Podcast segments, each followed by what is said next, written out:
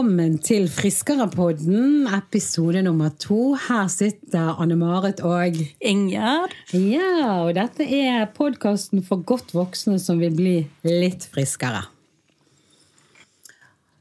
Ingjerd, i dag skal vi eh, snakke litt mer om den reisen eh, jeg har begynt på, da. Eh, og de forberedelsene som måtte gjøre. For vi var jo enige i den forrige podkasten om at å bestemme seg på søndag og begynne på mandag, det er ingen god idé. Nei, så du brukte litt tid rett og slett på å fordøye denne beskjeden som du fikk om at du hadde fått diagnosen diabetes 2? Ja, det gjorde jeg. Og eh, som jeg sa, jeg leste meg godt opp på hva dette her gikk ut på, og hva jeg sjøl kunne gjøre, og landet jo på at jeg ville følge dette lavkarbo-kostholdet. Som jeg tror er riktig, og som forskning viser fungerer godt i forhold til diabetes 2. Men det er jo mitt sånn personlige valg. Uh, og så satt jo jeg litt i system uh, dette med, at, uh, med, trening og sånt òg, eller aktivitet. For jeg har jo vært inaktiv, så jeg er jo nødt til å på en måte øke i hvert fall litt aktiviteten. Um, det er jo sånn med, de, med, de meste, med, det meste at man må, altså du får et best mulig resultat hvis du forbereder deg godt.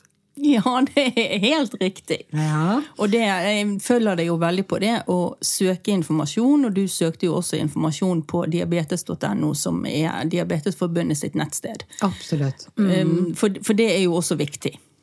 Og det, noe av det som jeg da gjorde, det var jo å etablere denne kontakten med eh, Jeg tror hun er en av landets mest sånn kjente og kunnskapsrike innenfor dette med med å spise seg friskere eh, ved å ta ned sukker og karbohydrater, og det er jo Sofie Hekseberg. Eh, sånn at hun er jo den faste spaltisten. Hun skal jo følge meg, følge opplegget vårt eh, ut dette året her. For det er jo ikke noe quick fix, dette. Det er jo ikke sånn Jeg må jo Altså selve omleggingen vil jo sikkert ta flere måneder. Og så er jo det det også at du på en måte skal stabilisere noe som skal være vedvarende. For dette skal jo være noe for livet. Ja, og det er jo det som kanskje er den aller, aller største utfordringen. Ja, jeg tenker det er jo det det kommer til å bli. Så for meg er det viktig å bli holdt litt ut av en faglig ekspert eh, som Sofie. Så det jeg um, først gjorde, det var jo å um, ha en konsultasjon med henne. Ja, hvordan, hvordan, hun er jo ikke her i Bergen der som vi er. Hvordan eh, gjorde du det? Ja, Hun sitter jo på Østlandet, og jeg sitter i Bergen. Eh, så vi eh, bestemte oss for å ta det på telefon eller Skype. Da etablerte jeg et pasientforhold til henne. Det må vi gjøre for at ting skal skje på riktig måte. Jeg vil jo i utgangspunktet at hun skal både veilede, analysere og kommentere resultater underveis, og på en måte være den som må gå god for at det faktisk skjer en endring i kroppen. Så jeg hadde da en times eh, konsultasjon med henne for å etablere dette. Og eh, det var jo egentlig litt rart. For det at jeg har jo hatt den samme fastlegen i 15 år. og som ny lege for meg på dette prosjektet, så spurte jo hun om alt mulig. For hun skulle lage en journal. Pasientjournal. Ja, nemlig. Hun må jo bli litt kjent med deg. Det er jo eh, viktig. Ja. Eh, og eh, jeg ble jo litt sånn overrasket over mange spørsmål, for det er mange ting man ikke tenker på. Altså, hun begynte å spørre om besteforeldrene mine, begynte å spørre om barna mine. Altså, hun ville kartlegge familiesituasjonen. For å danne seg et bilde ut av hva jeg eventuelt var genetisk disponert for, eller hva som kunne ligge på avsiden. Og jeg måtte jo virkelig grave. måtte grave godt bak i bakhodet. Altså.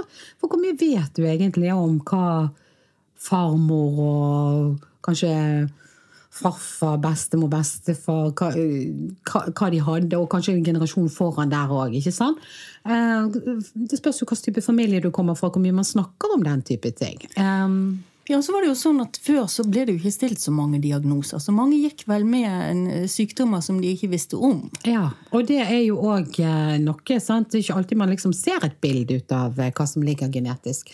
Men jeg visste jo det at min bestefar hadde diabetes 1. Eh, så det jeg husker fra oppveksten, var det at han satt sprøyter. Ja. Jeg trodde det at, han hadde, at det var medfødt, men han hadde fått det etter en operasjon når han var i 40-årene. Så måtte jo, så måtte jo jeg òg undersøke litt, og min, min, mormor fikk diabetes type 2 i eh, alderdommen. Ja. Så når hun døde, så hadde hun det. Så har jeg en datter som har cøliaki. Og når jeg liksom fortalte dette, så sier jo bare Sofie, eh, legen, med en gang OK, jeg ser et mønster her. Så hun trakk rett og slett noen slutninger ut fra de eh, opplysningene du ga om familien. Ja, hun gjorde det.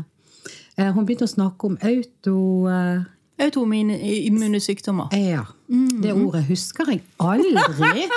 Eh, vet du noe mer om det? Altså, Hva er det for noe, Inge? Nei, Det er rett og slett kroppen som går til angrep på seg sjøl, kan du enkelt forklart si. Ja. Um, Ja.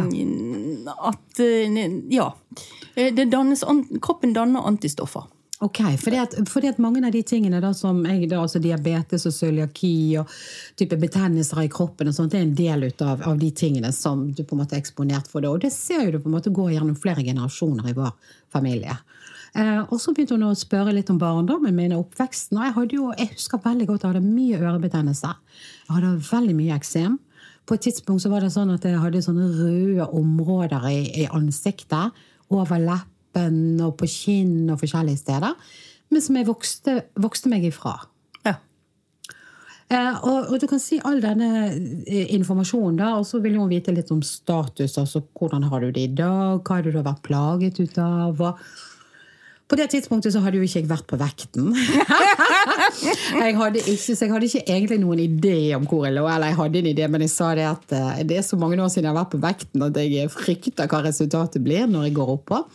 Men uh, vi hadde en, um, en eh, gjennomgang ut av eh, andre typer sånn litt sånn diffuse plager, som f.eks. at du plutselig kan få noen neller på håndleddet når du spiser, at du kan få noe eksem bak i nakken eller i ansiktet, at du kan eh, verke litt, altså type sånn gikt eller litt sånn revmatiske ting, at du kan verke noe i litt ledd. Og, så vi, vi snakket en del om det.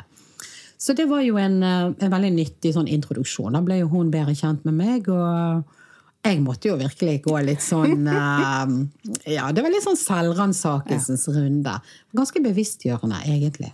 For det er jo viktig at du er ærlig når du gir de opplysningene. For det skal en lege kunne stille inn diagnose Altså Nå blir jo diabetes to stilt på bakgrunn av en blodprøve, men, men eh, diagnoser i det hele tatt eh, Jo mer informasjon du gir til legen, jo, jo lettere gjør du jo jobben til legen. da. Ja, og det var jo det jeg skjønte, at her måtte jeg egentlig bare jeg måtte ligge alle skambelagte Altså, jeg kjente jo det virkelig langt inn i hjerteroten at um, det å utlevere seg sånn um, i voksen alder Som sagt, jeg har hatt den samme fastlegen i 15 år, hun kjenner meg veldig godt og har hele journalen min og alt dette. Så det å på en måte måtte si en del ting det er jo òg en erkjennelse. Sant? Det er jo noe med at når man på en måte sier noe, så står det veldig sånn klarere. Du har faktisk uttalt det. Ja, jeg er altfor tung. Jeg er, har lagt på meg altfor mange kilo gjennom mange år. Ja, jeg har de og de problemene. Altså, og, da, og da var jo det, mens jeg snakket med hun, så så jo jeg sjøl et bilde. Og tenkte bare herlighet, at ikke du har lagt sammen disse her eh, detaljene tidligere og sett at dette utgjorde en, en risiko. Men jeg har jo som jeg har sagt tidligere, egentlig bare valgt å ignorere det. Fordi at jeg har ikke orket å forholde meg til det. Det har på en måte vært eh, liksom noe mer som jeg måtte ta ansvar for. Men nå er jo vi der at eh, det må jeg. Ja, For nå har jo du tatt en god del blodprøver. Ja, eh, Hekseberg sendte meg til et laboratorium i Bergen. Der jeg måtte ha med meg en fastende eh, sånn, eh, sånn urinprøve. Og så ble jeg tatt eh, veldig mange blodprøver ut av. Eh, og eh, disse blodprøvene ble jo sendt til henne, og så hadde jeg en oppfølging, en konsultasjon, en nummer to. Og før vi skulle ha oppfølging nummer, nummer to, så måtte jeg altså på denne Tanita-vekten. Forklar, hva er en tanitavekt? Ja, Det lurte jeg òg på. Herlighet, altså. Jeg måtte jo sitte meg ned og google.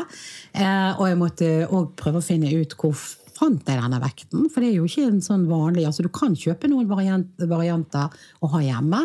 Men jeg hadde jo bestemt meg for at det skulle, altså jeg trengte ikke å gjøre det i denne omgang. Så Tanitavekt er egentlig eh, Det gir eh, signaler opp. altså Det er en vekt eh, der du stiller deg barfot, barføtt på, på en vekt. Du taster inn høyden din, alderen din. Og så blir det gitt signaler opp gjennom altså, kroppen din som eh, måler motstand. Eh, det er motstand, det viser hvor mye muskler du har, hvor mye fett du har, hvor mye vann du har, hva slags type beinbygning du har. Og hvor mange kilo, selvfølgelig. Altså fettprosent. Altså Den leser egentlig, skanner kroppen din. Var det skremmende? Ja. Jeg gruet meg til det. jeg gruet meg til det. Fordi at um, jeg, jeg, måtte jo først finne ut hvor, du, hvor finner du en sånn. Jeg spurte kollegaer og forskjellige. Vet dere om noen steder der de har det. Og det er noen treningsstudier som har det. der man kan liksom, Hvis du er medlem, så kan du få, få veie deg et sånt sted. For du får jo ut en lapp med all informasjon. Så du kan på en måte følge din egen utvikling med å ta vare på lappene. Um, men jeg, eh, det treningsstudioet som jeg da har meldt meg inn på, de hadde han ikke. den var så gammel. Så jeg måtte finne en klinikk. Uh, der jeg ringte og spurte har dere, og det hadde de. Jeg kunne komme på dette kontoret og få veie meg gratis. Den står faktisk ute i, uh, inngangspartiet deres, altså resepsjon. Så jeg satte meg i bilen en dag etter jobben, kjørte ut der. Håpte at jeg ikke traff noen mennesker. Men jeg møtte resepsjonisten og sa det at jeg trenger hjelp. Jeg har aldri vært på en sånn som dette. Så vi, hun tastet noe inn, og det var jo helt greit. Du står der bare noen nær sagt, jeg vet ikke om det er et minutt eller hva, men du står til du får beskjed om å gå av, og så får du ut en lapp.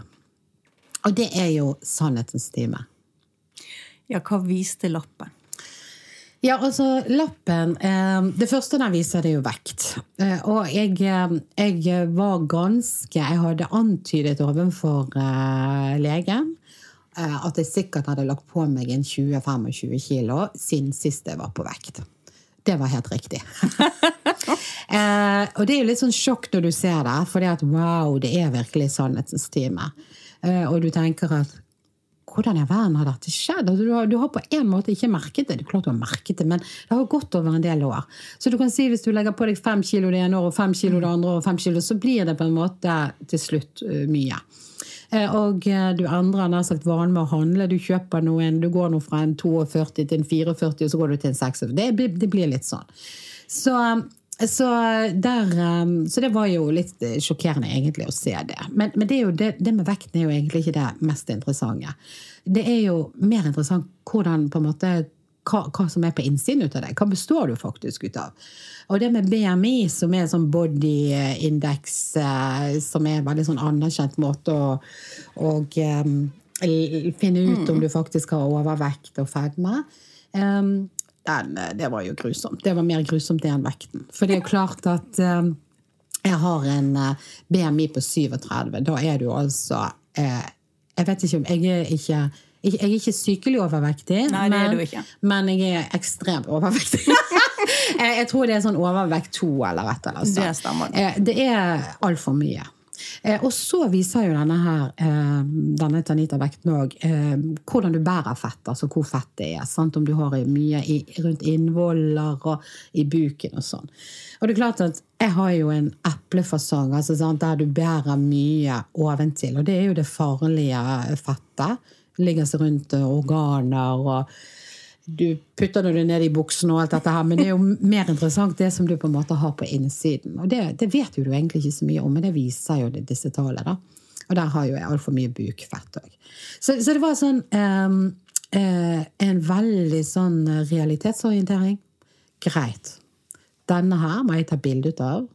Sende over til Hekseberg. For det, at det skulle eh, hun ha til den konsultasjon nummer to når vi skulle snakke om veien videre. Da hadde jo hun fått blodprøvene mine, og så sett sammen med det som eh, denne vekten viste, så ville jo hun kunne eh, analysere og kommentere.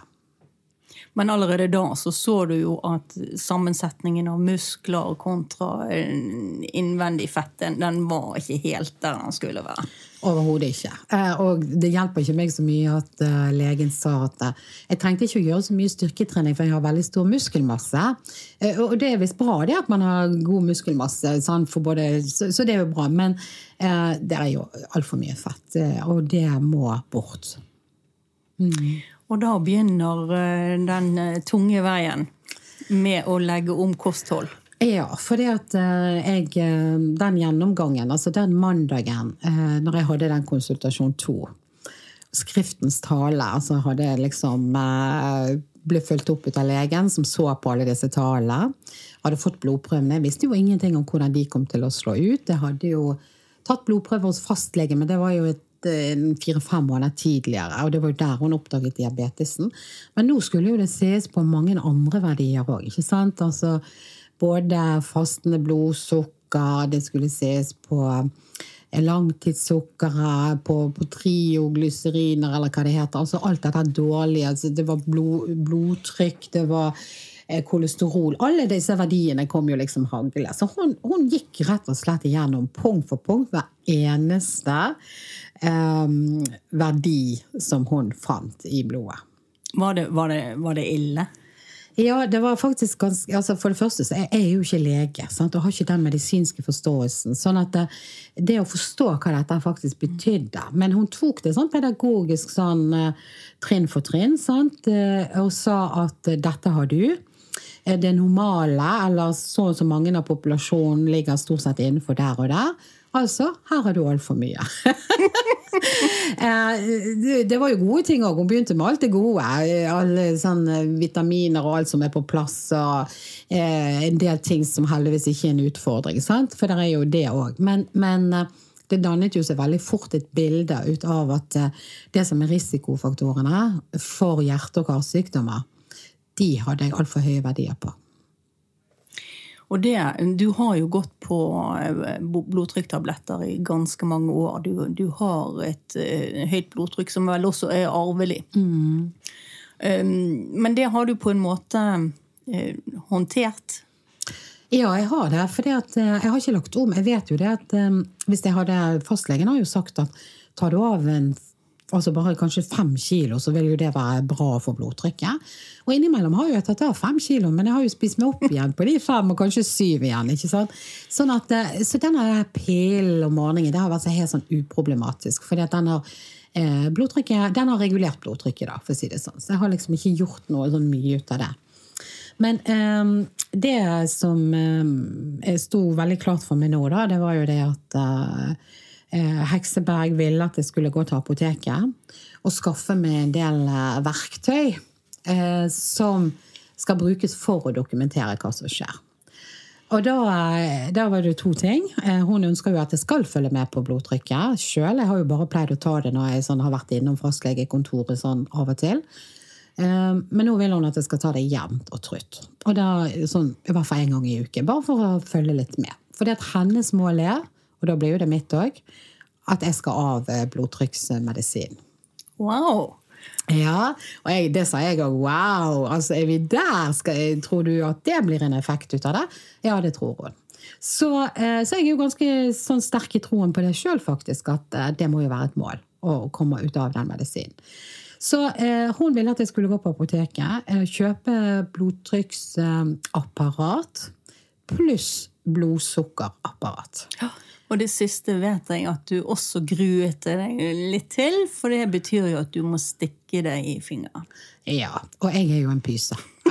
altså virkelig en pyserang. Så det at, eh, det, altså, jeg har nåleskrekk. Når jeg sitter på legekontoret og skal ta en blod, blodprøve, så snur jeg meg vekk. Så jeg eh, spurte. Uh, Sofie, uh, jeg har hørt på nyhetene at det kom til en ny måte å måle blodsukker på. For det, det viste de at det hadde de implementert i Sverige. Kan jeg få en sånn? For da slipper man å stikke. Og så sa hun sorry, uh, den er ikke godkjent i Norge. sorry, du har diabetes. Du må venne deg til nåler og stikking. Altså, det var no mercy. Det var liksom sånn Hallo, dette må du fikse. Så jeg, men ja, vet du hva, det var faktisk Jeg gruet meg til. Så jeg gikk jo på apoteket. Jeg fikk veldig god innføring fra eh, han som sto bak skranken der. Farmasøytikeren. Som fortalte hvordan jeg skulle gjøre dette. Eh, og jeg må jo ha en hel haug med, med, sånne ekstra nåler og sånne eh, Sånne strimler. Strimler. Fordi at jeg skal jo en ting er at jeg skal ta det sånn jevnt en gang i uken og sjekke. Men jeg skal òg ta sånne stikkprøver gjennom uken innimellom for å se hvordan blodsukkeret reagerer på maten jeg tar. Sånn at eh, det betyr jo faktisk det at La oss si at jeg, før et måltid så, jeg en, så tar jeg eh, en, en sånn test. Så noterer jeg meg hva den er. Så spiser jeg. Og så 15 minutter ut i uh, måltidet så noterer, tar jeg en ny test. altså Da har jeg stukket med to ganger. Uh, og Så noterer jeg hva som skjer, og så lar jeg det gå en liten stund etter måltidet, og så ser jeg. Sånn, sånn at eh, Til å begynne med så rotet jeg litt. Jeg syntes det var litt knotete. Og jeg må si det at jeg reiste på hytten den første helgen. Altså, jeg har en egen medisinbag. Det er det jeg kaller det. Eh, altså, jeg har en egen veske som jeg har dedikert til alle disse tingene her. fordi at blod, altså det der blodtrykksapparatet altså det er jo litt, litt størrelse på det. Eh, og det er litt størrelse på, på disse andre tingene òg. Sånn eh, jeg, og så har jeg da fant jeg ut at jeg ville lage meg en egen dagbok. En kalenderdagbok som jeg kjøpte for å liksom følge meg sjøl fra dag til dag. Så den ligger jo òg fast i denne. Så det, det er rett og slett medisinbagen min. Jeg reiste altså ut uh, i, på hytten og skulle liksom gjøre dette her en lørdag morgen i forbindelse med frokosten. Da skulle jeg liksom rigge det til og komme, komme i gang. Og hadde koblet på samboeren min og sier liksom at dette her er jo et viktig prosjekt, så dette må jo gjøres. Um, og så sitter vi der da med kjøkkenbordet, og uh, bare det å få på det der nålesystemet, altså bare det å skjønne apparatet det ble faktisk en liten sånn greie for meg. For når jeg så liksom det der blodtrykksapparatet ligge der, pluss blodsukkerapparatet, pluss de der nålene og strimlene, da følte jeg meg virkelig syk, altså. Da gikk blodtrykket opp med en gang. Da gikk blodtrykket opp! jeg så det, jeg kan ikke ta blodtrykket ennå, for nå kjenner jeg det helt i taket. Og når jeg ikke klarte å feste nålen inni det blodsukkerapparatet eh, den, For det er akkurat som en slags sånn stikk, altså det er akkurat som en blyant også, med en sånn eh, Ja, hva, skal du kalle det? En sånn eh, ja, Nål kommer sant? Med, med, en, en viss kraft. Jeg fikk ikke måte det til, helt til å fungere, så jeg måtte skifte nål og skifte. Vet hva? Da, da, da tok tårene meg, altså. Altså, da, da, eh, vet du, jeg følte det var så overveldende. Jeg tenkte er dette blitt mitt nye liv? Skal jeg sitte her på hytten en lørdag morgen, solfylt, sant? vinduene lyst og fint og alt dette.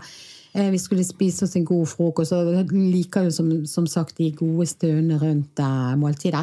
Og så skal jeg sitte med den medisinbagen eh, med massevis av ting på bordet for å stikke meg sjøl underveis i prosessen. Det, det, på en måte, vet du, det føltes veldig overveldende.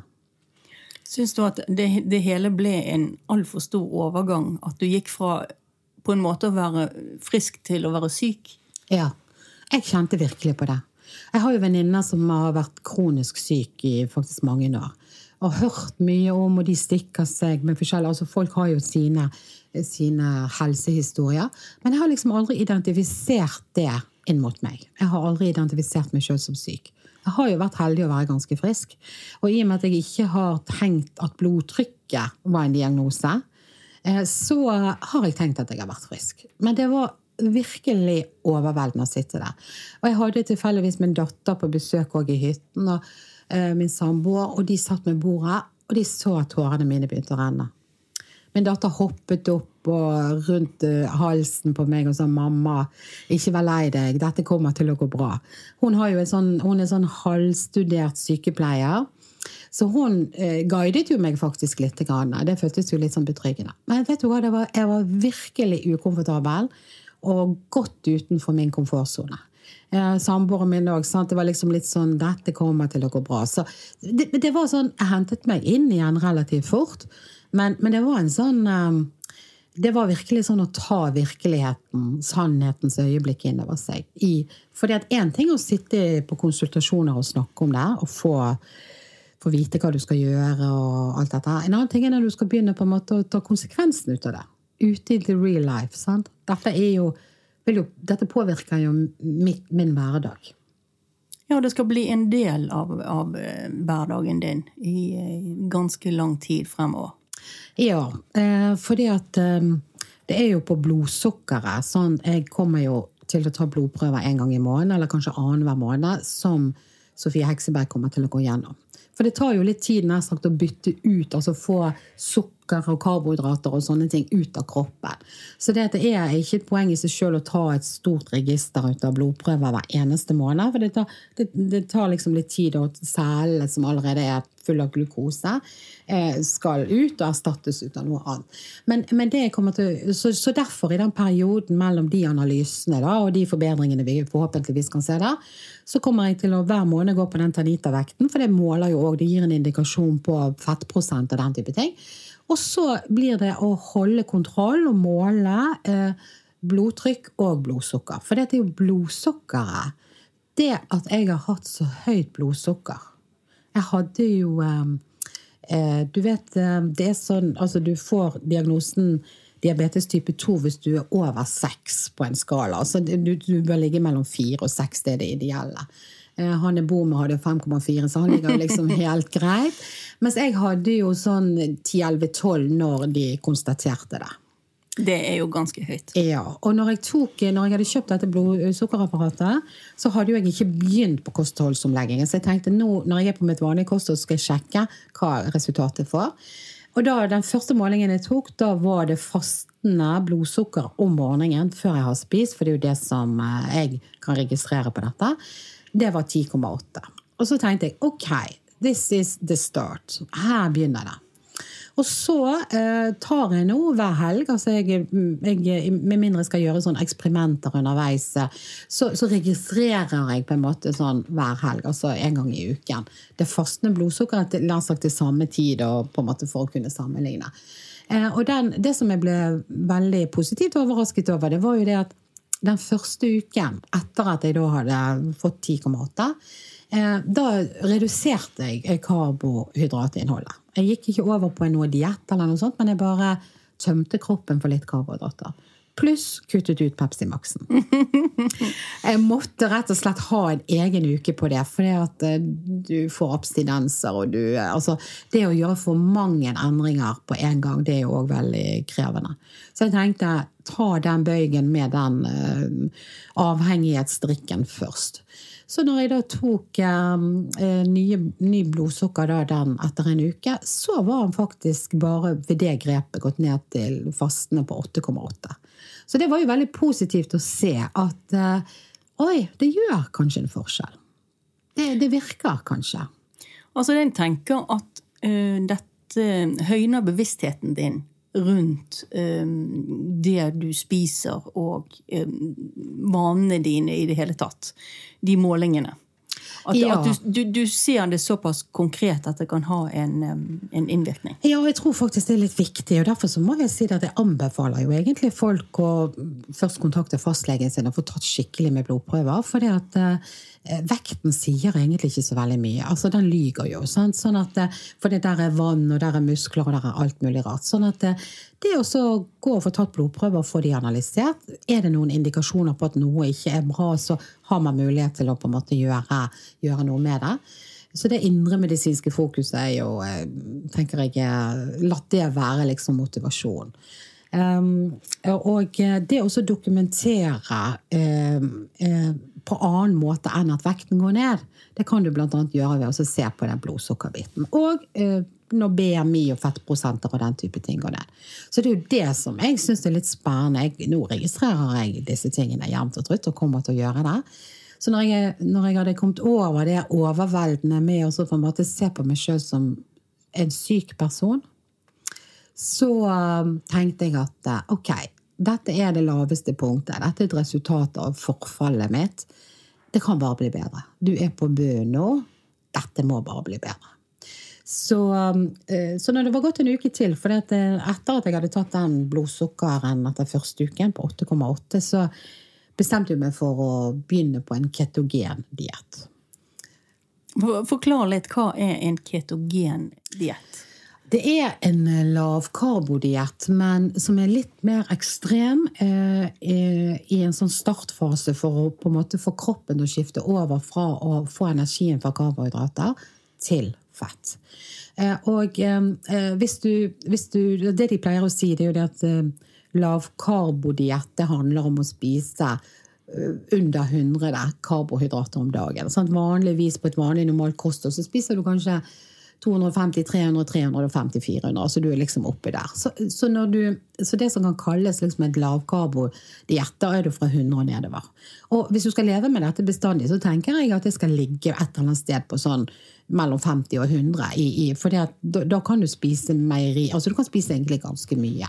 Men akkurat nå, for å få en liten pangstart, så bestemte jeg meg for at jeg ville ta det ned ikke bare det at jeg bestemte meg for det, men uh, Sofie Hekseberg sa til meg uh, du skal ikke begynne med 100 karbohydrater nå, du skal vesentlig ned. Så, det er, uh, så nå ligger jeg faktisk på et kosthold på rundt 20 karbohydrater om dagen. Da snakker vi gram om dagen. Sant? 20 gram karbohydrater om dagen. Ja, ja, det er jo veldig lite. Ja, det er lite. Og jeg eh, måtte, da bestemte jeg meg for at hvis det var sånn det måtte være, og det tror jeg er lurt, for det, eh, det er jo en form for sånn utrenskning og en overgangsfase på en måte for å koble seg på et, en, ny, en ny diett så bare bestemte jeg meg for at jeg må ha litt hjelp. Eh, på den måten at jeg fant, eh, fikk tilgang til en meny eh, du, som forteller deg hver dag hva du skal spise. For Det er sånn no-brainer. Du slipper å måtte kreere. For jeg kan jo egentlig altfor lite om matvarer og hva, eh, hvor mye karbohydrater de har. Så for å gjøre det enkelt for meg sjøl, så følger jeg da en meny. Eh, og for å gjøre det liksom enda litt mer sånn slemt, eh, men visstnok effektivt, eh, så er det periodisk faste i denne dietten. Hva vil det si, periodisk faste? Det vil si det at den første uken, og det var sist uke, da, så den oppstartsuken så er det på en måte tar du bare ned karbohydratene. Og da er det du spiser ikke frokost, men du spiser lunsj og middag. Og så har du muligheter til å ta en sånn smoothie og sånne ting. Altså et slags mellommåltid. da. det, det, kjente jeg det gikk veldig bra. Eh, det var egentlig gikk over all forventning. Eh, og så begynner du da på uke to i denne planen, der denne periodiske fasten kommer inn. Og da skal du strekke det vinduet. Altså du vet når du legger deg om kvelden, du har et måltid om kvelden. La oss si middagen er det siste måltidet du har. da. Du spiser middag klokken syv. Så går jo resten av kvelden, og så sover du, og så står du opp om morgenen. Så dropper du frokosten. Og så når de dagene du skal ha periodefaste, så dropper du òg lunsjen. Så det første måltidet du får, det blir til middag. Og da skal det fastevinduet være mellom 20 og 22 timer. Det er rett og slett eh, sånn som jeg har fått det forklart. da, eh, og Legen min var veldig tilhenger av å, gjøre det og sier at det ikke er noe farlig med fasting. Eh, det er det at du manipulerer kroppen din, rett og slett. Forbrenningssystemet ditt. Så, det, så da tenkte jeg alle gode råd er dyre. Hvis dette kan være med å bidra til en bedre innside, så ja, let us go. Altså, jeg, jeg, bare kjente det at wow, det, det hørtes krevende ut. Eh, men eh, jeg tenker at det er et godt virkemiddel sammen med det å ta ned eh, Og da, da eh, periodiske faste annenhver dag.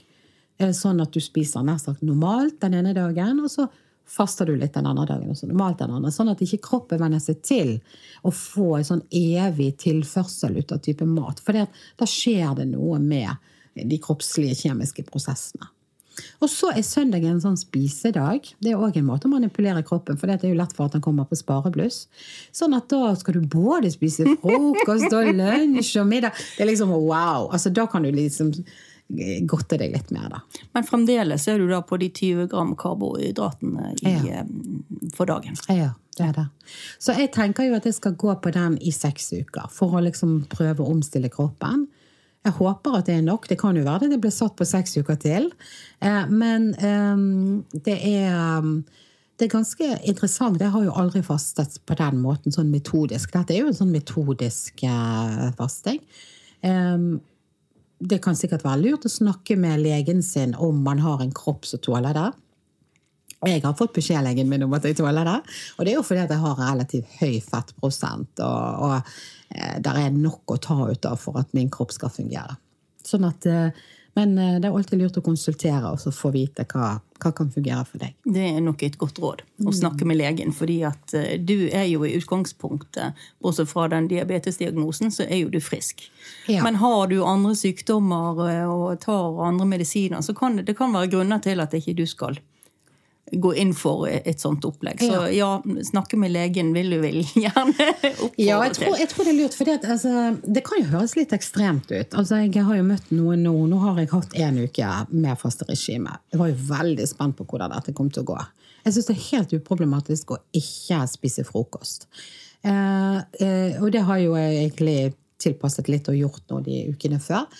Litt mer krevende å, å droppe lunsjen. Eh, men eh, jeg er overrasket over hva som skjer i kroppen.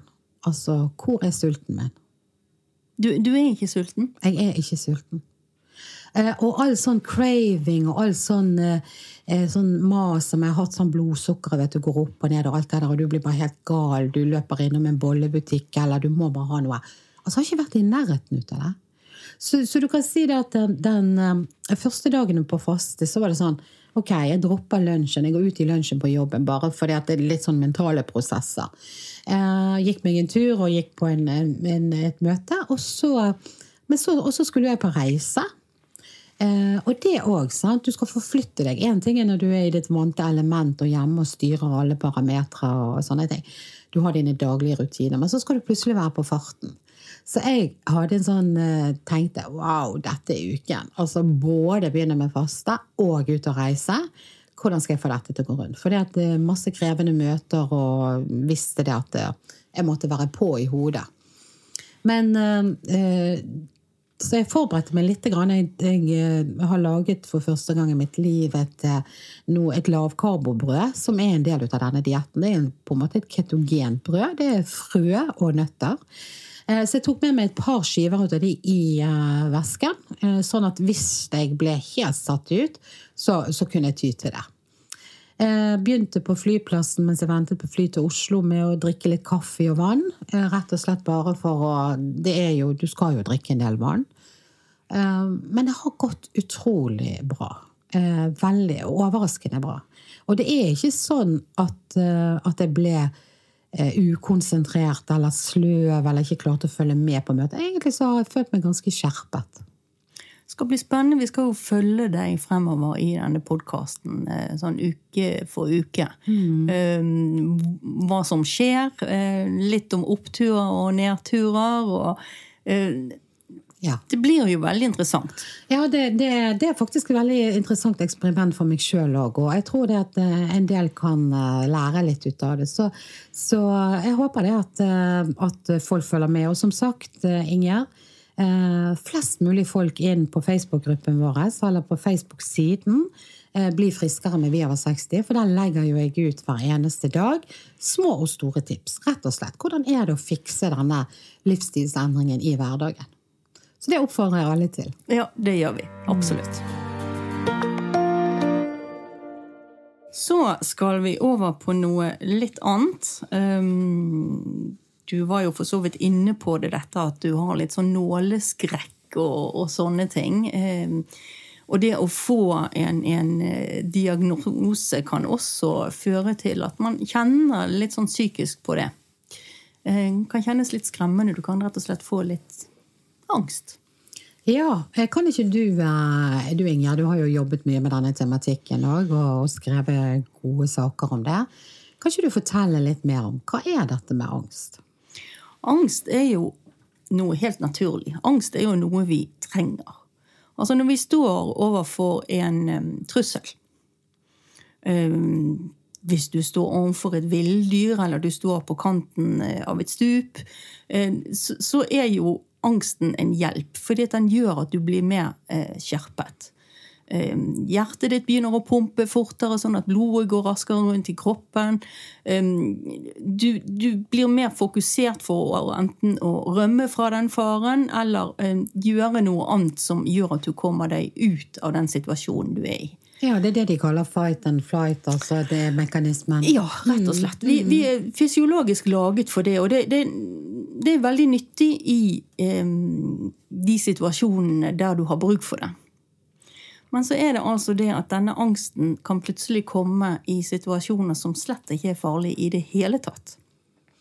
Og da blir det en diagnose og en sykdom? Ja, fordi at det er, eh, kan komme til å hemme deg. Um, sett at du har angst for uh, å gå inn, i en heis, f.eks. Det er det ganske mange som har. En trange rom. Uh, da må du uh, ta trappene uansett hvor høy bygningen er. Og det er, gjør det jo litt tungvint. Eller du kan få angst overfor eh, å gå på åpne plasser, f.eks. Så det, det, det, skaper hindringer i hverdagen din. Og det som er at har du angst, så vil jo du unngå å få den følelsen igjen. For den kan være så sterk at eh, du tror du skal dø. Den kan være så sterk, Hjertet ditt kan rase sånn av gårde at du tror du får hjerteinfarkt. Um, veldig mange som blir rammet av sånn panikkangstanfall som dette er, da, uh, de uh, skjønner til å begynne med ikke hva det er for noe. De, de tror de er fysisk syke. Uh, men det er rett og slett bare kroppen din som setter i gang en, en reaksjon. Ja, kan du, kan du, si litt mer om den reaksjonen? Hva er, er, sånn, et typisk angstanfall? Altså, hva skjer med kroppen? Det som skjer med kroppen, det er altså det første det at, at, hjertet begynner å pumpe eh, fortere. Du begynner å puste grunnere og fortere. Og, og som du hadde trengt hvis det var en ordentlig eh, faresituasjon du befant deg i. Um, og så kan du, du, begynne å bli svimmel, du kan begynne å, å, å se litt sånn uklart rundt deg. Du, du, du får svette håndflater. Um, du kan til og med besvime. Akkurat. Um, og det er klart at en så sterk uh, reaksjon, det har du ikke lyst til å oppleve om igjen. Uh, så da unnviker du gjerne de situasjonene uh, som fremkaller en sånn reaksjon hos deg. Akkurat. Hva skjer i hodet da i en sånn prosess? Altså mentalt og psykisk? Nei, det, det er jo akkurat det at du, du kan bli, en, få angst for angsten. Du kan rett og slett gå rundt og være så redd for at dette skal skje igjen. At, at det i seg sjøl kan fremkalle et angstanfall. Så det blir en, en veldig ond sirkel. Her kommer du inn i en del av den sirkelen. Det er sånn negative tanker rundt en del uh, ting? Altså at man blir nedstemt og, og redd for? Ja. Mm. Eh, det blir du, og du, du, isolerer deg gjerne. Så dette blir en, en sterkt nedadgående spiral. Altså, det er jo mennesker så de kommer seg ikke ut av sitt eget hus. De tør ikke gå til postkassen. Um, noen har uh, visse steder de prøver å unngå fordi at det fremkaller uh, angst. Uh, men så er jo det litt eh, absurde er jo det at skal du bli frisk av angsten din, så er det jo igjen en samtaleterapi som hjelper. Men det er også eksponeringsterapi. Nemlig ja. det at, at, du gjør det du er redd for. Ja, ja for jeg, jeg, har jo slitt med flyskrekk da jeg var ung. og jeg hadde en veldig Eh, voksen redaktør som så det at jeg sleit. Fordi at jeg tok toget til Oslo for å lage intervjuer. jeg tok båten til Stavanger og den type ting. Så jeg gikk på flyskrekkurs. Hun sendte meg det. Og da var jo det akkurat det det handlet om. Få deg opp i flyet, ut og fly, se at det går greit. Si litt om hva denne metoden går ut på. Nei, det går rett og slett ut på i kontrollerte former og gjerne med støtte. Um, og oppsøke de um, episodene, de stedene, de tingene som, som um, trigger angsten din. Og så, som du sier, helt treffende, ja, og, og så erfare at dette går bra. Eh, det skjer ikke noe. Du, kan, du lærer deg å kontrollere angstanfallene, f.eks. gjennom pusten. Pusten er ekstremt viktig, og det vet jo du som er yogalærer. Ja at eh, pusten kontrollerer mye. Eh, så jeg snakket med, med, eh, en lege, og han sa at av og til under konsultasjoner med angstpasienter, så ba han de puste hurtig og overfladisk, og kunne på den måten fremkalle et angstanfall. For da eh, sa han nå, nå har du kjent at det kan skje. Da kan du også tro meg på at det motsatte skjer hvis du puster rolig og dypt. Akkurat. Så dette med pust er en del av behandlingssystemet altså ja. når det gjelder angst. Er det mange i Norge som får angst? Har angst? Ja, det er det. Det er ganske mange. Det er en ganske vanlig lidelse. Ehm, og du har også du har ulike typer angst. Eh, du har jo også det som kalles generalisert angst. Altså at du bare går rundt og er generelt redd og bekymret. Og det er noe som rammer ganske mange eldre. Eh, det har noe å gjøre med eh, sykdommer. Altså har du, har du, en, har du en, hjertesykdom, så eh, er det jo forståelig at du er redd for å få et nytt anfall. Mm. Det kan vi alle skjønne. Mm. Eller du er redd for det skal skje noe med barn, med barnebarn. Og så går du rundt og er sånn urolig hele tiden. Akkurat, men du vet ikke egentlig helt hva du er redd for. Det er ikke noe spesifikt, men det er mye og alt mulig, og det kan komme når du minst venter det. Ja, eller, eller det er en, en sånn tilstand, en som du nesten ja. går i hele tiden. Og det er jo forferdelig slitsomt. Ja, det høres ut som det må jo ta veldig mye energi. Ja, det gjør det. Og preger livskvaliteten. Ja, absolutt. Og igjen fører til altså Det er jo det med, med angst at det ofte fører til isolasjon. Og isolasjon i seg sjøl er eh, noe som kan fremkalle angst. Altså det, det, det blir en veldig negativ sirkel. Men nå leste jeg for ikke lenge siden at de begynte et nytt behandlingsopplegg her i Bergen. Eh, på eh, også sånn generalisert angst hos spesielt rettet mot eldre. Akkurat. Um, og de har ganske gode resultater med det. Men har vi noen statistikker på hvor mange altså Er dette her vanlig å få når man blir eldre, eller er det noen som ja, det, er mer utsatt? Er det genetisk disponert, eller hva vet vi om det? Vi vet, det vi vet, det er Ja da, det har med alt, veldig mye har med genetikk å gjøre. Altså Hvis du er en litt sånn engstelig person, så er det klart at du har større sjanse for å utvikle en angsttilstand. Eh, men som jeg sa, så vet de også at en del eh, sykdommer disponerer for det. Eh, har du hatt et hjerteinfarkt, har du hatt et hjerneslag, så utløser det. Det er triggere, altså en, en, trigger som utløser angsten? Ja, det kan være med på å utløse en angst. Og, og, det er klart at vi, er, vi sitter jo her og snakker mye om helse. Og vi vil jo alle ha en god helse. Um, så det å være redd for at noe skal skje, uh, det er jo ingen, ikke noe godt sted å være, rett og slett. Nei, jeg tenker jo det at det blir veldig livsinnskrenkende eh, i forhold til hvordan du egentlig ellers kunne levd livet. Ja, det har du helt rett i. Det er masse begrensninger som gjør at du på en måte ikke får den livsutfoldelsen som du kunne hatt. Ja. Men det handler seg igjen om å, å, ikke isolere seg, komme seg ut. Det er derfor jeg tenker at det er så bra det vi holder på med nå den, den 60 minutters bevegelsen vår som vi skal snakke om seinere. Det, det, dette å være i aktivitet, for det, det vet man jo. Fysisk aktivitet kan ikke nødvendigvis forebygge psykisk lidelse, men, men det hjelper å komme seg ut og bevege seg, og være spesielt ute i, i frisk luft og i naturen. Mm. Så det er um, noe positivt i seg selv. Ja. Så, så for de som eventuelt uh har angst eller er redd for å få det, eh, kan, det forebygges eh, på noen slags måte? Altså, kan man forberede seg på det, eller er det som et slags eh, lyn som kommer fra klar himmel, eller hva vet vi?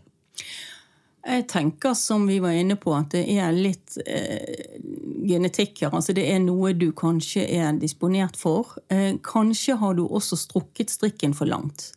Jeg har snakket med en del som har vært oppegående mennesker med høye posisjoner, men de har hatt et enormt stressende liv, og de har rett og slett belastet systemet for, for mye, tenker jeg.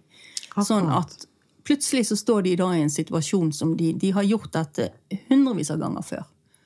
Og så eh, kommer angsten eh, over dem. Så da gir kroppen rett og slett beskjed?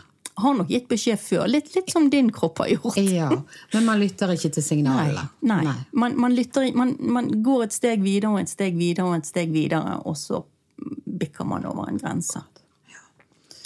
Ja, det leder oss egentlig over litt til uh, Dette er jo mentale prosesser. Psykologiske prosesser.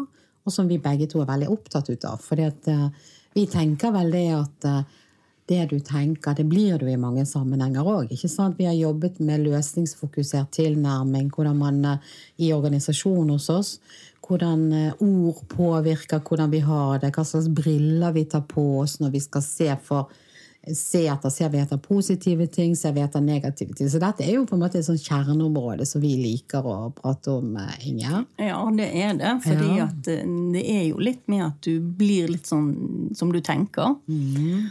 Og som du helt riktig sier, altså du, du, forsterker det du tenker på. Og det er jo det som skjer også med den angsten. Altså, mm. du, du, mm. du, blir så fokusert på det. Mm. Istedenfor å tenke positivt. Og da, Det leder oss litt over til dette som vi skal snakke litt om i dag. Eh, dette med vaner og uvaner. Mm. Fordi at um, Det begynner jo òg i topplokket. Det er jo, altså Jeg pleier å si det er utrolig mye helbredelse hvis man klarer å få gjort noe med det som sitter mellom ørene. Eh, og eh, i forbindelse med endring, for det er, det, vi, det er, jo det vi, snakker om Vi snakker om livsstilsendring, men det kan jo handle om annen type endring òg. Altså en, få kvitte seg med noe, et, et, mønster kanskje av noe man har gjort tidligere, og erstatte det med noe nytt. Og, men det er jo veldig um, essensielt når det gjelder det å endre kosthold og endre trening. Eh, hvor lenge, Når sier vi at vi har Hva er, hva er forskjell på vane og uvane, egentlig? Hva, hva sier du om det, Inger? Jeg tenker at det av og til kan gå over i hverandre. Altså, men vi definerer det jo sånn at en, en, en, når vi sier uvane, så, så sier det seg sjøl at det er en vane vi ikke vil ha. Mm. Eh, men vaner er jo sånn generelt sett noe vi ikke tenker over at vi gjør. Eh, det, det, det, skjer nærmest automatisk. Mm. Eh, vi gjør ting på samme måte som vi alltid har gjort det på. Mm. Og det er igjen dette med at vi må løfte opp ting og så bli bevisste. Ja, for jeg syns jo det at mye ny hjerneforskning er veldig spennende. Du vet, Hjernen har ikke vært forsket så mye på tidligere. Heldigvis så har jo man oppdaget at det er blitt eh, attraktivt og interessant for forskere over hele verden å finne ut av denne lille klumpen vi har oppi hodet. For den styrer jo det meste. Eh, og, og dette med hjernen og hvordan vi programmerer den, og til å lage mønstre. Det er jo nevroner eh, vi har oppi. Det er jo kjemiske ting som skjer i hele kroppen. Og disse nevronene snakker jo sammen, og så lager vi mønstre ut ifra vi, vi, parer jo det opp mot uh, våre oppfatninger og holdninger og tanker og ting vi har lært før. og vi, vi, har sett og gjort ting før, og så parer vi det på en måte opp, opp mot det. Hva, hva, vi mener er riktig og galt, og så gjør vi ting på en gjentagende måte igjen og igjen over lang tid. Sant? Det er jo på en måte det som, Da blir det det vi kaller en vane. Det er jo egentlig en programmering oppi hjernen. Ja, og så snakker vi jo om ryggmargsreflekser. sant? Ja, hva er det altså, for noe? Nei, det, når, når, vi har hatt en vane som er så inkorporert i oss Ja, da går han, på eh, auto, han går omtrent på autopilot. Ja, da ja. går han virkelig på auto. Ja. Og, og det, det, er det han gjør. Og, men det er det jeg syns er spennende med den nye forskningen på hjernen. at vi kan faktisk eh, være herrer i eget hus her òg. Vi kan faktisk bidra til å omprogrammere disse mønstrene og veiene og stiene som vi har laget i hodet. Eh, og ved å gjøre det, så får du en endring. Hvordan gjør vi det? Ja, det er jo en del uh, ulike um, Om dette forskes det på, ikke det det de sier? uh, altså Hvis du tenker at en vane er noe du gjør igjen og igjen og igjen over litt tid Altså For at det skal bli en vane, så er det det du må gjøre. Så hvis du da vil etablere en ny vane, så må jo du først uh, erkjenne at du har en vane du vil kvitte deg med. Og så må du bytte ut den vanen med en ny greie. Eh, og da må jo du ta noen aktive valg, tenker jeg. Eh, og eh, det kan jo f.eks. være at du ikke skal spise den maten du har gjort før. For det er klart at jeg har jo masse vaner, og det har jo du òg. Alle har det, knyttet opp til eh, f.eks. hva mat man velger. Så gå på butikken, så har du nesten mhm. en eh, Du har jo en handleliste i hodet. Du går til de og de hyllene og plukker opp i den og den maten. Det er jo nesten på vanen. Eh, når vi reiser på hytten, så kan jeg sende liksom samboeren ut. og Det er omtrent det samme som kommer i korgen liksom igjen og igjen. Sant? Ja, det, det kjenner jeg igjen. Ja, det, og det, det, er litt tankevekkende. Sant? For altså, vi går helt sånn på autopilot. Du går sånn sliten og trøtt fra jobb, og så handler du det samme. Så hvis du da skal putte noe annet i den handlekorgen, så må jo du endre vanen. sant? Eh, og da må jo du egentlig bare gjøre noen valg og lage deg en ny eh, løype i butikken. Eh, du skal ikke til Godtehyll, du skal ikke til Skipshull, du skal gå forbi bakeridel og sånt. Du skal stoppe andre steder. Og så er det vel sånn da at du må gjøre dette igjen og igjen. Ja, det tror du må gjøre ganske For det er jo først av det på en måte blir en innarbeidet vane. Jeg laget meg en vane for en god del år siden. Jeg bestemte meg for at jeg, da bodde jeg i sentrum, jeg skulle gå til jobb. Eh, Men til å begynne med så, så måtte jeg lose meg sjøl forbi bussholdeplassen. Eh, Og så gikk det noen uker, og da var det blitt en automatikk i det. Da bare gikk jeg. Og så gjorde jeg det samme på returen også. Men du må, du må begynne med denne bevisstheten rundt at nei, det er ikke det jeg skal gjøre. Nemlig. Jeg skal nå gjøre noe annet. Nemlig. For I utgangspunktet så vil jo vi det at det skal være en slags sånn automatikk i vanene våre. For vi har jo på en måte begrenset kapasitet til å ta aktive valg hver eneste dag. Og så er det jo tusen ting som kommer inn. Så det at kroppen er jo hjernen er jo laget sånn at noe må gå på autopilot. Men da er jo det den programmeringen. da, Å programmere sånn at, at når jeg kommer inn i den butikken, og du går forbi liksom det busstoppet, eh, så jeg kommer inn i den butikken, så, så ser jeg ikke de hyllene som jeg tidligere har stoppet ved. Jeg, ser, jeg går direkte til de andre hyllene.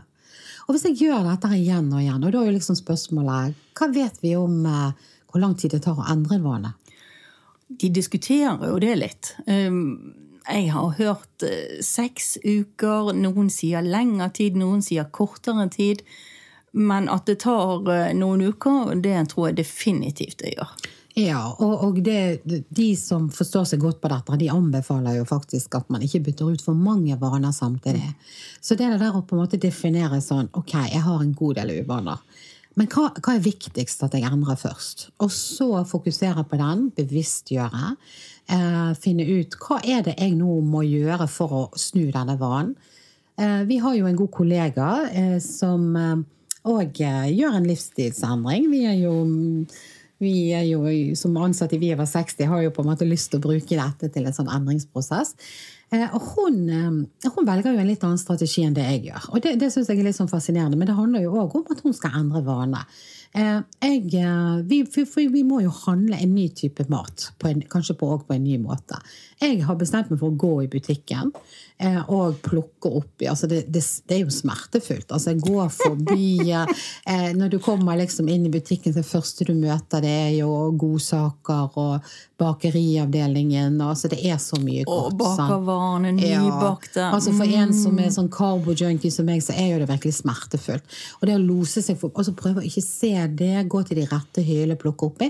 Altså, eh, når jeg begynte på denne omleggingen, så syntes jeg at det faktisk var ganske vanskelig.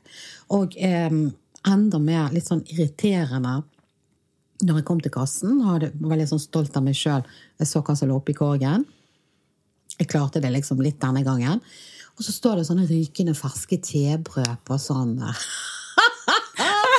Ikke det veldig dårlig gjort? Det er veldig dårlig gjort, og det er nesten litt sånn provoserende. For da står du i en liten kø der, og du har, du har hatt viljestyrken gjennom hele butikken. Eksponert for så mye fristelser, og så står du der, så må du jaggu meg ta den òg. Men det som kollegaen vår har gjort, da, det er jo det at hun syns at den, dette blir en for stor utfordring akkurat nå. Eh, Så, eh, så hun sier det at eh, jeg vil endre vanen, men jeg sitter meg ned og bestiller maten på nettet. Da kan jeg sitte hjemme. Jeg vil ikke fysisk ha mitt legeme i en butikk, for det er for mye fristelser. Jeg har ikke helt kontroll på impulskontrollen min ennå. Så hun lager eh, en liste ut ifra menyen og det hun skal spise. Trykker på send og får det levert på døren. Det er jo en måte å gjøre det på. Absolutt. Og jeg tenker at alle må gjøre det som de tenker er best. Det som jeg prøver å øve meg litt på nå, da, det er å tåle disse fristelsene. Det tror jeg er en god tilnærming, for jeg har prøvd litt av det samme. Så jeg har laget meg et sånn lite sett med regler. F.eks. når det gjelder sjokolade, så er det bare to typer sjokolade jeg kan kjøpe. Og har de ikke den sjokoladen, så har de ikke den sjokoladen. Da blir det ingen sjokolade. Altså den type ting. Det er, bare, det er visse sorter matvarer som må være en helt spesifikk ting. Um, ellers så kan jeg ikke kjøpe det. Og så er selvfølgelig neste sted, steg å la være å kjøpe den sjokoladen i det hele tatt. Ja. Det er litt verre. Ja, ja. Men du går i butikken? Du handler ikke på nettet? Jeg går i butikken. Jeg, jeg elsker jo å gå i butikken og handle mat. Um, har vært mye i Frankrike og på markedene der. Det er jo eh, Ja. Men det går um, Jeg oppdaget at dette har gått ganske greit, fordi at det er en god del av hyllene jeg bare går rett forbi. Ja, for du er sånn mentalt ikke koblet på. Altså, du, du ser ikke det. Det er ikke en del av ditt vareutvalg. Nei. Nei. Jeg, hadde, jeg har sluttet å kjøpe chips, for eksempel.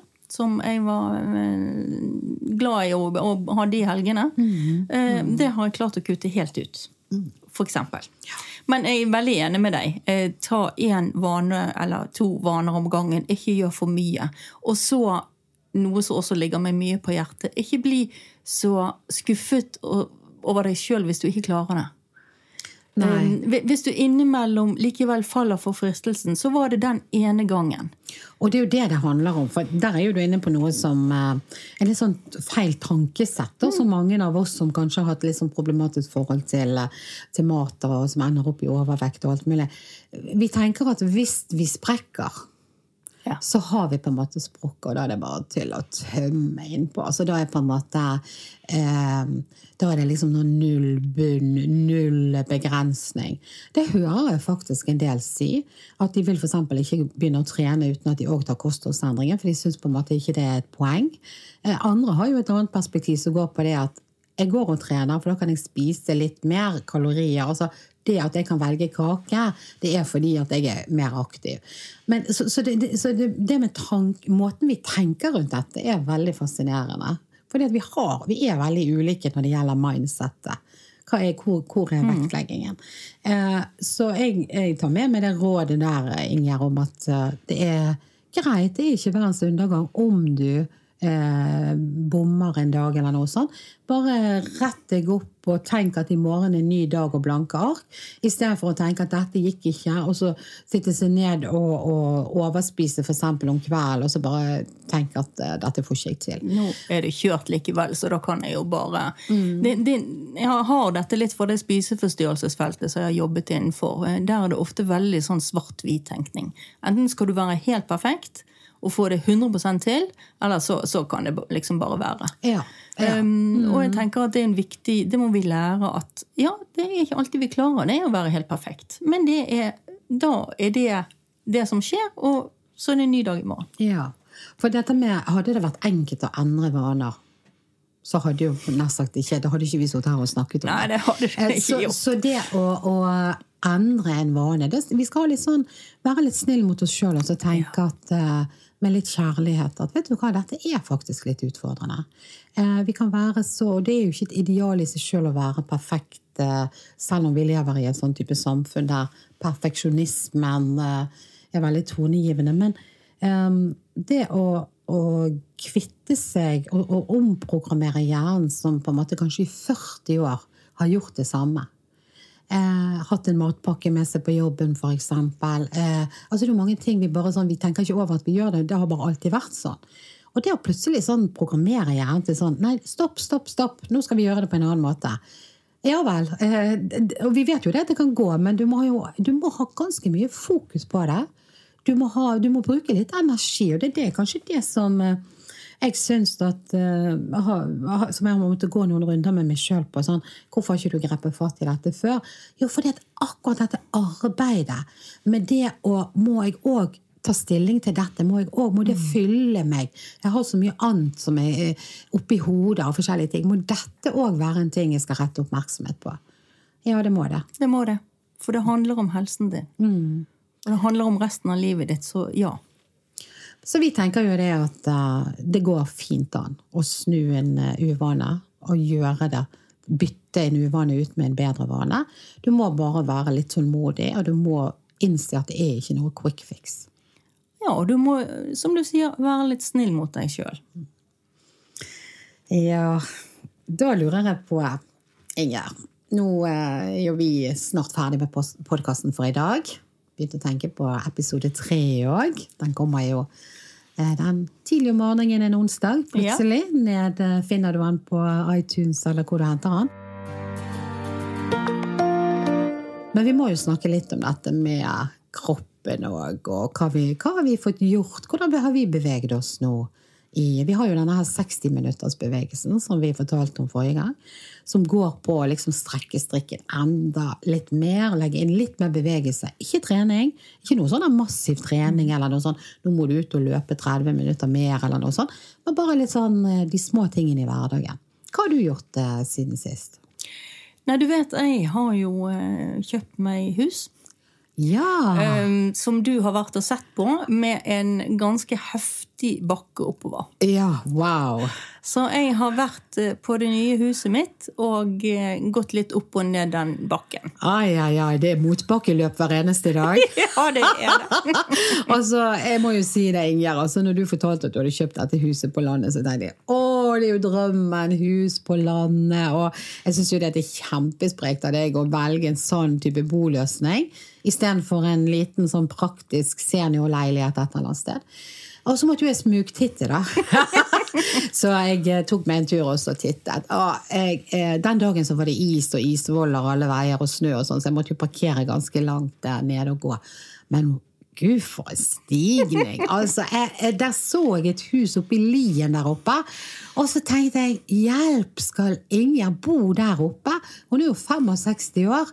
Um, for det var ganske tøft. Det er høyt oppe, det stedet du har funnet. Det er høyt oppe. Ja. Det, det, er ikke tilrettelagt for seniorer, for å si Nei. det sånn. Så, så, jeg, så, jeg, tenkte det at eh, Og jeg snakket med, med samboeren min, vi, vi var begge og gikk opp der, og så sa han så greit Enten så er det dette som tar livet ut av Inger, eller så er det det som holder henne i live. Ja, og jeg hadde jo tenkt det, det siste. siste. Jeg vil jo håpe det. Og jeg tenkte jo det at altså, jeg måtte jo da bruke Jeg hadde jo ikke brodder eller noe sånn, så jeg måtte rett og slett kneke meg litt oppover sving etter sving. Eh, men eh, veldig idyllisk sted. Flott. Jeg skjønte jo når jeg kom opp hvorfor du elsket dette stedet. Og så var jo det selvfølgelig en dag der det var veldig dårlige eh, forhold, så om sommeren er jo sikkert alt bra. Men jeg er bare litt sånn nysgjerrig på sånn Hvordan har du tenkt, da? Når du kjøpte det nå? Altså, det, hvordan skal dette holde deg i live? Rett og slett ved å holde meg i aktivitet. Jeg har nettopp uh, intervjuet en uh, forsker som var veldig oppmuntrende på akkurat det. At ved å holde deg i fysisk aktivitet, så kan du motvirke utviklingen av Alzheimer, f.eks. Ah, det er ja. interessant. Mm. og jeg er jo veldig glad i å være ute. Ja. Uh, og glad i å holde på med fysisk arbeid. Uh, og det har jeg savnet der jeg bor nå. Mm. Så, uh, men jeg hadde noen runder med meg sjøl. Ja, det vil jeg tro. For du tenker liksom, du våkner en morgen, og så ser du at nysnøen ligger der. Da er det sånn, da tenker jeg enten må du ha kjelke eller akebrett. Altså. Da kan du sitte deg på det og bare eh, renne nedover. For, eh, så det, jeg tenker jo det at Innimellom så vil jo du kanskje tenke 'gud, hva har jeg gjort?' Men du tenker at fordelene er mange flere enn ulempene. Det er jo det jeg hører. Det er det jeg tenker. Og så jeg syns bare det var for tidlig å tenke sånn veldig langt frem. Eh, eh, når den tid kommer, så får jeg takle det, eh, rett og slett. Men Ja, men det betyr jo det at du sparer pengene med et helsestudiokort, i hvert fall. Ja. men alle dere som hører på, um, gå inn på den lukkede Facebook-gruppen hvis ikke du allerede er inne der. Uh, 60-minuttersbevegelsen. Det er jo rett og slett en nasjonal bevegelse ja, vi eh, har lyst til å dra i gang. og så vi drar i gang her. Eh, ta et bilde med mobil. Alle går rundt med en mobil. Ta et bilde, Legg det inn i denne gruppen for å inspirere og motivere andre. Og Hver måned så trekker vi ut månedens friskus. Så, og det er kollega Eirin som kommer til å komme her i studio med oss og på en måte fortelle hvem det blir. og Da får du en overraskelse i posten. Men gjør dette for din egen helse. Ja, det er jo det vi tenker. At folk skal gjøre dette for sin egen del. Mm. Um, ikke nødvendigvis for at vi oppfordrer til det, men, men der, vi vet at dette gjør deg godt. Så da runder vi av i dag, vi Inger. Nå er vi ferdig med den andre podkasten. Jeg tenker allerede på eh, skal, hvordan vi skal eh, følge opp nå i nummer tre. Da blir jo det litt sånn eh, siden sist, Anne Marit, hva har skjedd? For da kommer jo jeg til å fortelle litt om hvordan det har vært å på en måte komme på denne. Hvordan har det opplevdes i kroppen? Hva er det jeg har eh, registrert eh, nå eh, når jeg kom i gang med livsstilsomleggingen? Hvilke endringer har jeg gjort? Ja. Og det skal vi følge uke for uke i podkasten. Yes. Friskere podkast. Ja, friskere podkast. Ok, da sier vi takk for oss, vi, Inger.